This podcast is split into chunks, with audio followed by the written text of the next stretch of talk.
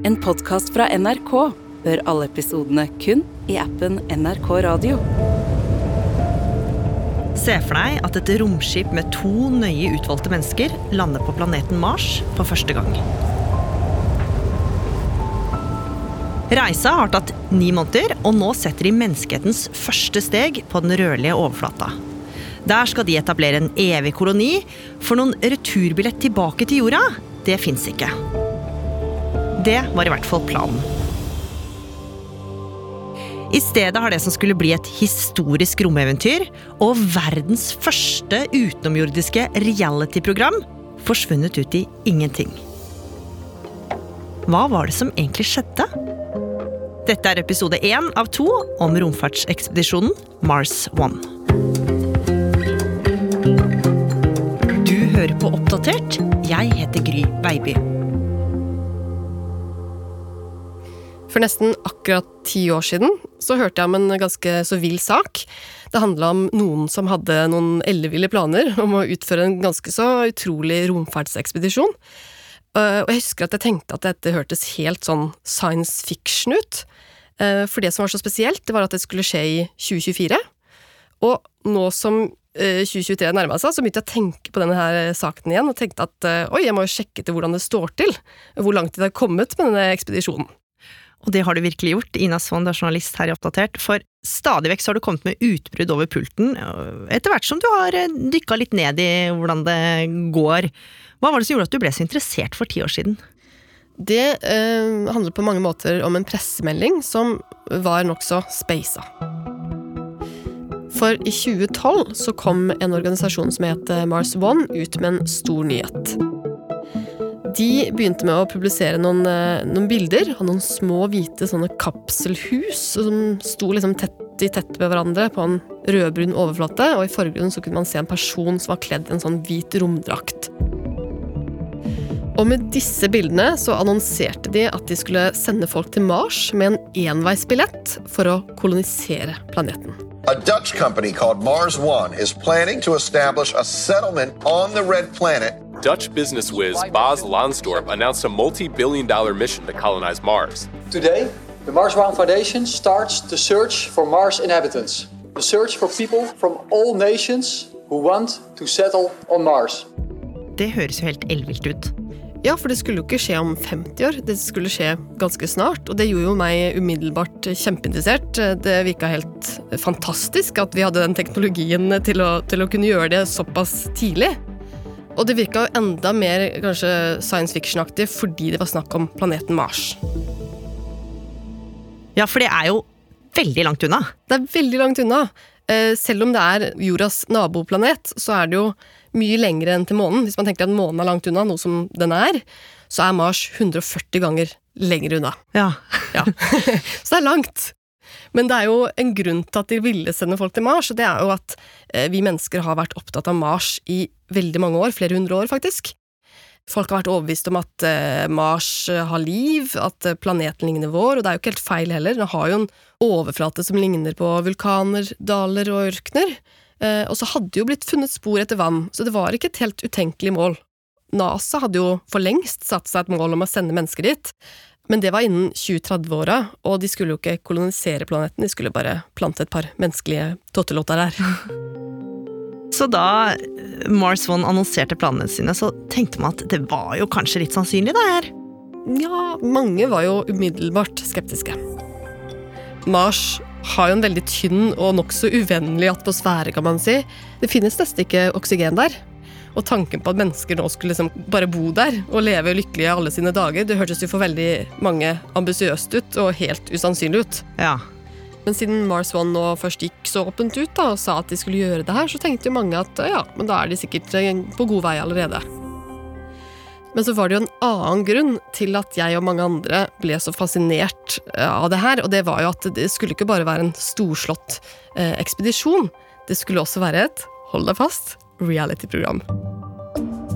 Everybody will be glued to their TV screens and will watch it happen. When Neil Armstrong and Buzz Aldrin landed on the moon, everybody watched. And imagine doing the same in this media era where everybody has a screen in their, in their pocket. Og for alle som elsker reality, så hørtes jo det her ut som et drømmekonsept, Ina. Ja, tenk å se reality med drama og tårer fra rommet hver eneste dag, for det var jo faktisk det som var planen. Denne nederlandske organisasjonen Mars One de skulle jo finansiere denne turen og kolonien ved å tjene penger på det som et reality-program. Og i bresjen sto Bass Landstorp, administrerende direktør.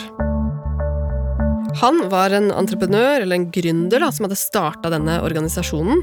Og han var fast bestemt på å være den første som eh, oppnådde det her. Sendte mennesker til Mars for evig og alltid. Han ville være før NASA. I think when people hear about our project, at first they are skeptical because ESA and NASA and the other space agencies are talking about doing this in decades. And now there's a private organization that says they can do it in 10 years. Altså, dette var jo da en mann med svært eh, store ambisjoner, vil jeg si. Absolutt. Men han skjønte jo også at for å få til det, så måtte han ha penger, og derfor hadde han satt sammen denne forretningsmodellen, dette reality-programmet. Ja. Men hvordan skulle det funke, egentlig? Planen var at det var 24 stykker som til slutt da skulle bo i denne kolonien. Og reality-programmet skulle da gå ut på at man fulgte disse menneskene eh, først på den ni måneders lange turen til Mars i dette romskipet, og så skulle man følge dem på planeten og se dem leve der.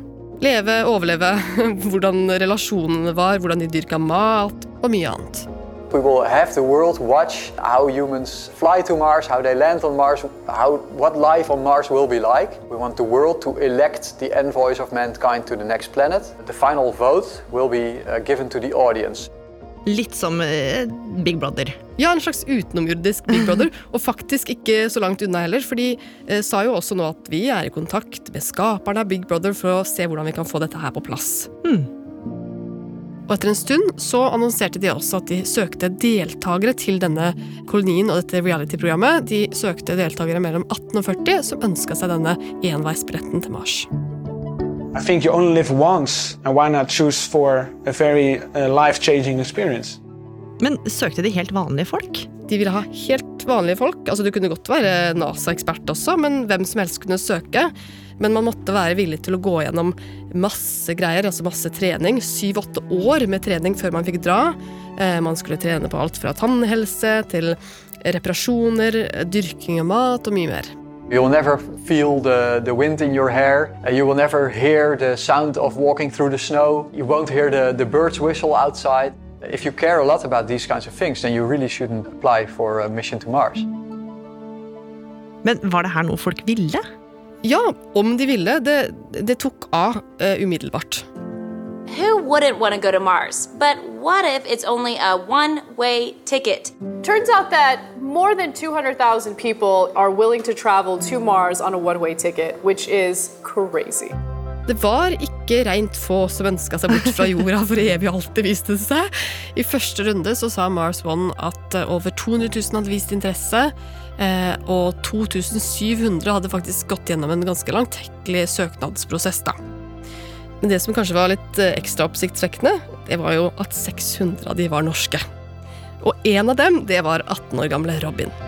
Jeg har lyst til å bo på Mars for det er min, min barndomsdrøm. Sånn, det har vært min drøm å, å reise ut verdensrommet, oppdage nye plasser, sånn, å være, reise til plasser der mennesker aldri har vært før. Og bare kunne være med sånn, på å pushe menneskeheten i et stort skritt mot si, framtiden som være for stort til å la være å være med på sånt det galskap ikke melder seg på, syns jeg i hvert fall. Så det Men Ina, de som eh, var villige til å være med på dette her, de ville jo da signere en kontrakt som gikk over mange år, og vie livet sitt til et ganske vilt prosjekt, for så aldri se familie og venner igjen. Hvorfor ville noen bli med på det? Man kan jo på en måte skjønne det, for det, det her var jo en unik sjanse eh, til å bli med på noe helt historisk. Um, Fram til nå så hadde jo Mars nesten utelukkende vært et NASA-prosjekt, uh, utelukkende for profesjonelle fagfolk. Nå var det plutselig innen rekkevidde for helt vanlige folk. Og En annen grunn var jo at mange frykta jo klimaødeleggelsene, uh, og tenkte at dette var jo uansett framtida, og nå hadde de muligheten til å kanskje da være med på å bidra til at menneskeheten overlevde på en annen planet. Så en blanding av å være med på noe virkelig stort, med andre ord. Ja, og det var jo ikke bare de som eh, søkte om å være med på selve romfarten som følte at de var med på noe stort. Også investorer bladde nå opp fra eh, lommeboka. Én ting var jo at dette skulle finansieres via et reality-program når de var der, men en annen ting var jo å utvikle teknologi og få på plass utstyr. Det kom til å koste masse.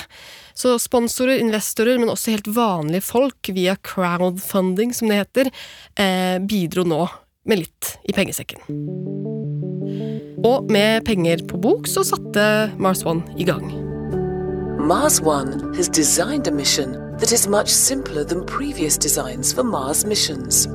For det var jo faktisk sånn at uh, mye av teknologien ikke var ordentlig på plass ennå, så nå slo de seg sammen med den anerkjente våpen- og romfartøyprodusenten Lockheed Martin, baserte seg på NASA-teknologi og begynte å arbeide.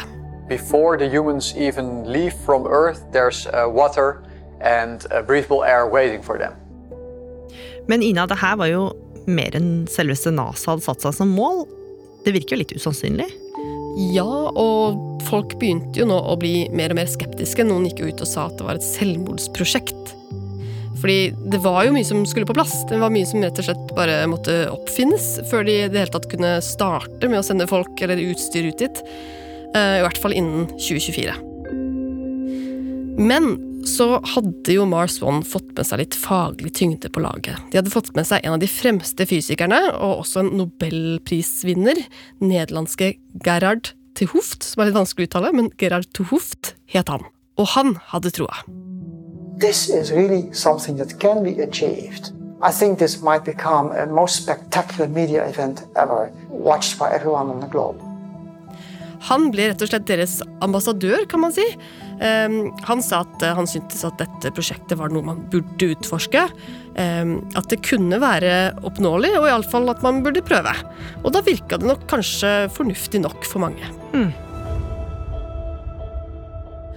Og i 2014, altså to år etter at de først søkte, så hadde de rundt 2700 søkerne gått gjennom en filtreringsprosess på flere runder og blitt til 660. Og de 660 de skulle nå kjempe om veien videre til å bli de første menneskene på Mars. Og blant dem var norske Robin. Det er jo en veldig surrealistisk følelse. sant? Det er nesten som å vinne i Lotto. sant? Jeg syns det er veldig fantastisk. sant? Plutselig fikk jeg en mail om at hei, du er med videre. Det ble helt sånn Hæ? Hva som skjer nå? Og media over hele verden de bare kasta seg over alle de som hadde blitt plukka ut til å være ja, et steg nærmere drømmen. So you're telling me you would choose space over your husband? I would. My husband is okay with that because if you love something, you have to let it go. What items would be on your bucket list? What, what do you need to check off before you go to Mars? These people are really going, everybody. There are two things she will really miss about Earth her husband of 22 years and her favorite food, hamburgers. Overalt i media så kunne man se dem, høre dem, lese om dem. De fikk masse oppmerksomhet. Det var nesten litt som om eh, realityshowet allerede var i gang. Det var jo god og blanda bukett, dette her, med ulike folk. Noen var jo mer eller mindre eksperter, andre jobba i butikk. Og norske Robin han må jo ha gjort et ganske godt inntrykk, for i 2015 så hadde de hatt nok en filtreringsrunde, og da var han blant en av de 100 finalistene som sto igjen. Nå var det han mot 99 andre som skulle da kjempe om å flytte til Mars. Oi, oi, oi. Absolutt oi, oi, oi, for blant disse 100 så var det en annen fyr. Og han satt med en dårlig følelse i magen om at noe ikke var helt som det skulle. Og hvis du vil høre hva det var, så må du følge med i morgen, for da kommer episode to.